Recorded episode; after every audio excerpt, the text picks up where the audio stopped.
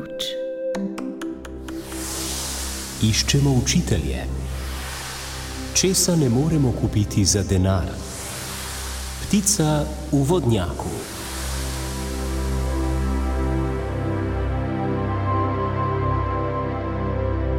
Kako premagati sovraštvo, strah, nezaupanje vase?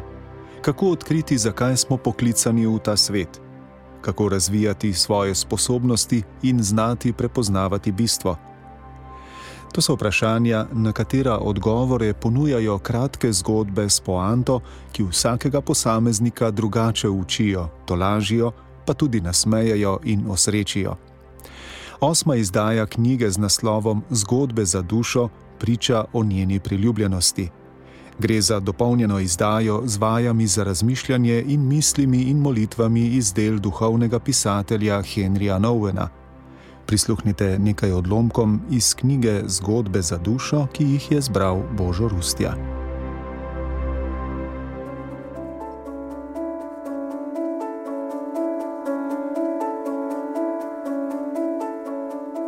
Deček in televizija. Učitelj je dal učencem za nalogo spis z naslovom: Kateri predmet v hiši bi najrajši bil in zakaj? Eden od najbistrejših učencev v razredu je napisal takole: Najraje bi bil televizor. Zakaj? Če bi bil televizor, bi me starši pogosteje gledali in bi bolj skrbeli za me. Veliko bolj pozorno bi me poslušali. Ko bi jaz spregovoril, bi rekli drugim naj umoknejo. Nikoli bi mi ne ukazali, naj grem v svojo sobo ali posteljo sredi najzanimivejše igre ali česa podobnega. Kakor tudi oni ne gredo v posteljo, dokler traja televizijski program.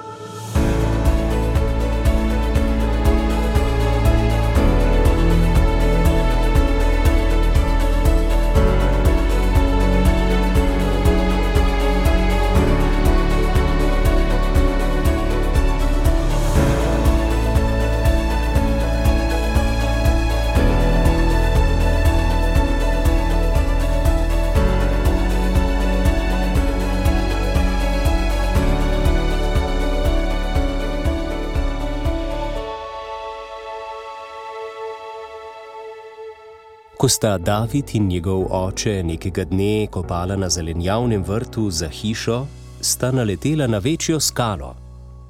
Morala jo bova prestaviti, je rekel oče. Jaz jo bom odstranil, je dejal David. Želel je biti koristen. Potiskal je in dvigal, da mu je jemalo sapo, a skala se ni premaknila. Ne morem je premakniti, je rekel in priznal svojo nemoč. Mislim, da lahko, je dejal oče. Če se potrudiš, lahko narediš vse. David je spet poskusil, dokler ga roke niso začele boleti in mu je šlo že skoraj na jog. Ne morem je premakniti, je spet rekel. Res ne morem, očka, potrudil sem se, kolikor sem mogel, pa se ni premaknila niti za centimeter. Ali misliš, da si res storil vse, kar moreš? ga je prijazno vprašal oče.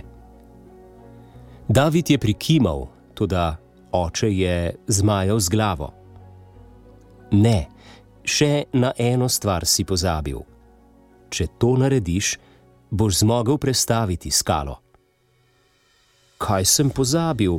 je ugibajoče vprašal. Oče se je nasmehnil. Tu sem jaz, je rekel. Mene bi lahko vprašal, da bi ti pomagal, pa me nisi. Očka, a mi pomagaš? je vprašal David. Oče in sin sta se skupaj spravila k skali in jo začela porivati. Počasi sta skalo valila proč in tako razširila prostor za zelenjavni vrt. David se je smehljal in veselil. Premaknila sva jo očka, premaknila.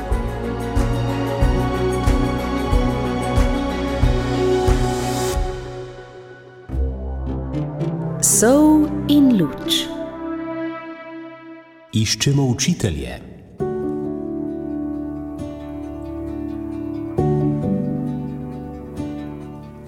Živali v gozdu so se odločile, da je prišel čas, da odprejo šolo za svoje mladiče. Uprava, ki je bila naložena skrb za prihodnjo šolo, je dala v krajevni časopis oglas, ki se je glasil takole: Iščemo učitelje za novo šolo. Pogovor je v ponedeljek zjutraj. Prijavijo se lahko samo kandidati z ustrezno izobrazbo. V ponedeljek zjutraj so prišli bodoči učitelji v sobo za pogovore. Prvi se je pred komisijo oglasil vrabec. Plašno je rekel: Rad bi dobil mesto učitelja glasbe. Komisija je začela preverjati sposobnosti vrabčka. Ali znaš peti, so ga vprašali, imaš kaj pevskih izkušenj? Seveda, lepo pojem, pevec sem od svojega rojstva, je odgovoril vrabec. Začel je peti blagoglasen in nežen napev. Člani komisije so ga hitro prekinili. Ne zanima nas, kako dobro znaš peti. Vedeti hočemo, kje si se izobraževal in kakšna spričevala in diplome imaš. Ne moremo te sprejeti, dokler ne priložiš ustreznih spričeval. Vrabec je bil presenečen. Kakor ste slišali, znam peti, tudi nimam nobene diplome ali spričevala, je dejal. Če je tako, te ne moremo zaposliti, so osorno dejali odborniki. Nočemo nekvalificiranih učiteljev.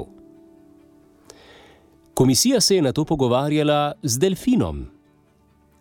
V novi šoli bi bil rad zaposlen kot učitelj plavanja, je rekel. Kje si se naučil plavanja? je vprašala komisija. Morda imaš kakšno šolo ali potrdilo, da znaš plavati. Delfin je žalostno zmajal z glavo. Žal mi je, je dejal. Sem izreden plavalec in prijazen učitelj, to da nimam nikakršne izobrazbe. Komisija ga je zavrnila, ne da bi ga še naprej poslušala. Nismo pripravljeni sprejeti prošen tistih, ki nimajo izobrazbe, so odgovorili. Drug za drugim so prihajali prosilci na pogovor.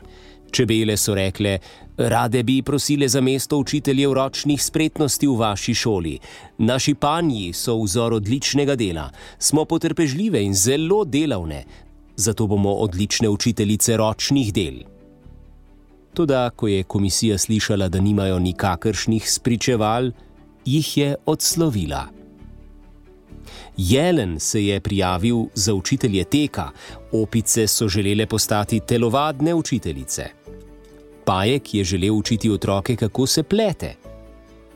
Vse so zavrnili, ker niso imeli ustrezne izobrazbe. Na koncu je upravni odbor prišel do sklepa, da je bilo nemogoče odpreti novo šolo, ker niso našli dovolj izobraženih in kvalificiranih učiteljev.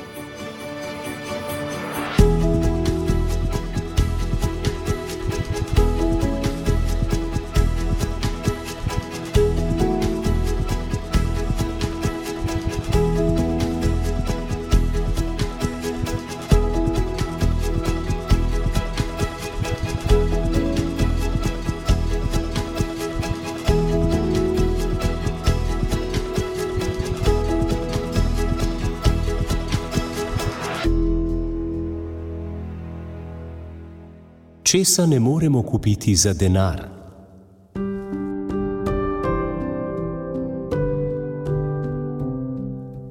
Ivan je bil običajen človek, imel je majhno premoženje, a je bil zelo srečen.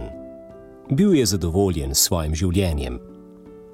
Ko je nekega dne šel po cesti, je na tleh našel pet tisoč evrov. Bil je presenečen in ni mogel verjeti svojim očem. Pobral je zavitek bankovcev.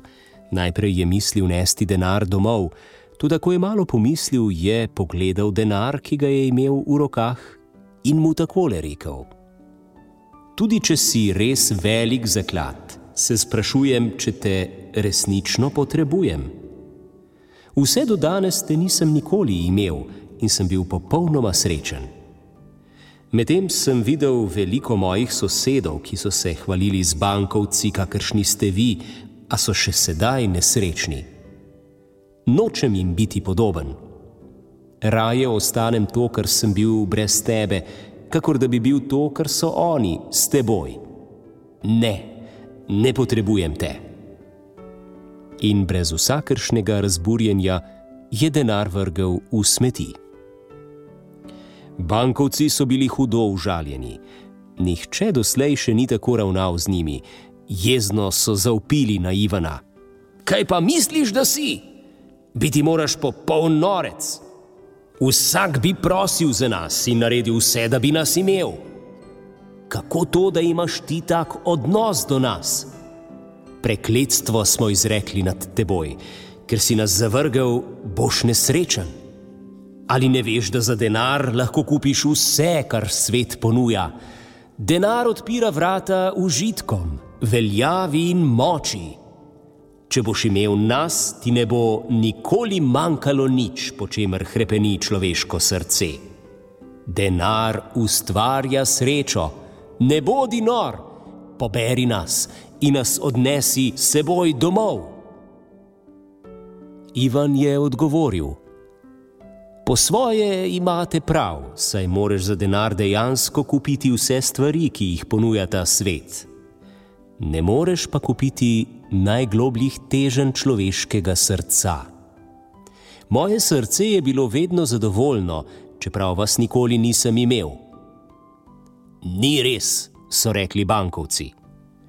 Kaj lahko veš o svetu in njegovih užitkih? No, povej, česa ne moremo kupiti. Ivan se je mirno nasmehnil bankovcem, ki so ležali v smeteh. Res je, da z denarjem lahko kupim zlato posteljo, ne morem pa si kupiti sladkega spanja, v katerem uživam. Lahko si kupim ličila, ne pa zdrave kože. Za denar dobim razkošno hišo, ne pa srečnega doma lahko kupim spolnost, ne pa ljubeznivega zakona, ki ga imam. Z denarjem lahko kupim ljudi, ne moreš pa kupiti zvestih prijateljev, kakršne imam. Za denar si lahko nakupim veliko knjig, ne bom pa dobil znanja in modrosti. Lahko kupim nenavadne obleke, ne pa osebnega dostojanstva. Za ta denar si lahko privoščim razkošno zabavo, ne pa notranjega veselja in miru. Z denarjem si lahko kupim celo drag pogreb, ne morem pa si kupiti mirnega pokoja v večnosti, ki ga bom, upam, deležen. Z drugimi besedami, kar v življenju dejansko velja, ti denar ne moreš kupiti. Samo delaš se lahko, da lahko ljudem omogočiš lepo življenje, ko jih prepričuješ, da lahko nudiš tudi to, česar ne moreš dati. Slepar si in lažnivec, ostani tam, kjer si, to je tam, kamor spadaš, v smeteh. Po teh besedah je Ivan žvižgajoč odšel naprej po svoji poti.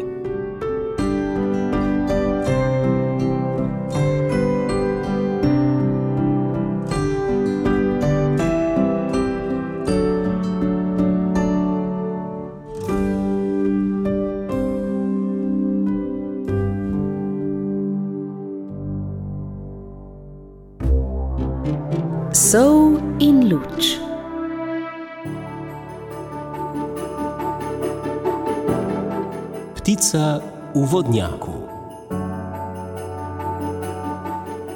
Nekoč je živela ptica s čudovitim perjem in z močnimi krili. Cele dneve je letala visoko v zraku nad vrhovi dreves. Uživala je svobodo. Nekega dne pa je padla v izsušen vodnjak.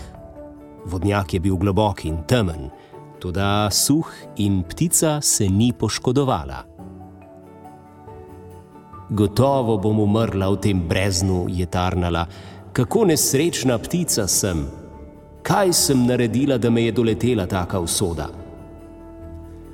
Čim bolj je razmišljala o svoji nesreči, tem bolj je bila prepričana, da je kriv nekdo drug, da zdaj čepi na dnu vodnjaka. Nisem kriva jaz, kriv je tisti neumnež, ki je izkopal ta vodnjak, se je hudovala. Moral bi pokriti vhod, pa ne bi padla noter. Začela je klicati mimo idoče: Prosim, pomagajte mi, prosim, pomagajte mi od tot. Ljudje so ji odvrnili: Krila imaš in lahko poletiš, zakaj si ne pomagaš sama? Če bom skušala poleteti od tot, se lahko ponesrečim, je jadikovala ptica. Mogoče, mogoče si bom ob stenah vodnjaka poškodovala peruti. Jaz nisem kriva, da sem obtičala tu. Vi morate narediti nekaj, da me spravite ven. Zgrbila se je na dnu ter tožila in tarnala vsakemu, ki jo je bil voljan poslušati. Nihče se ne zmeni za me, v tem je težava. Ljudje so tako brezsrčni in kruti, niso voljni pomagati ubogemu, trpečemu bitju kot sem jaz. Tožbe so ptico tako prevzele, da skoraj ni več vedela, kaj se je zgodilo, in se je navadila živeti v vodnjaku. Vedno manj je razmišljala o rešitvi in kmalu se je vdala v usodo. Krila so ji krnela in tudi če bi hotela poleteti v svobodo, ne bi mogla. Sedaj si sama ni mogla pomagati, pa tudi drugi ji niso mogli. Vsi so jo pomilovali in pomilovala je sama sebe. Tako je ptica preživela ostanek svojega ubogega življenja trnajoč na dnu vodnjaka.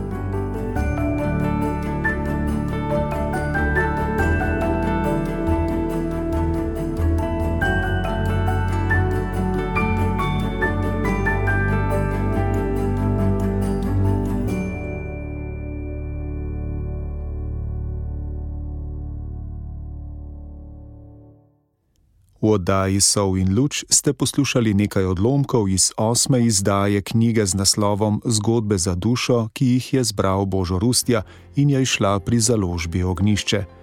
Prav je Blaž Lesnik, oddajo pa sem pripravil Tadej Sadar.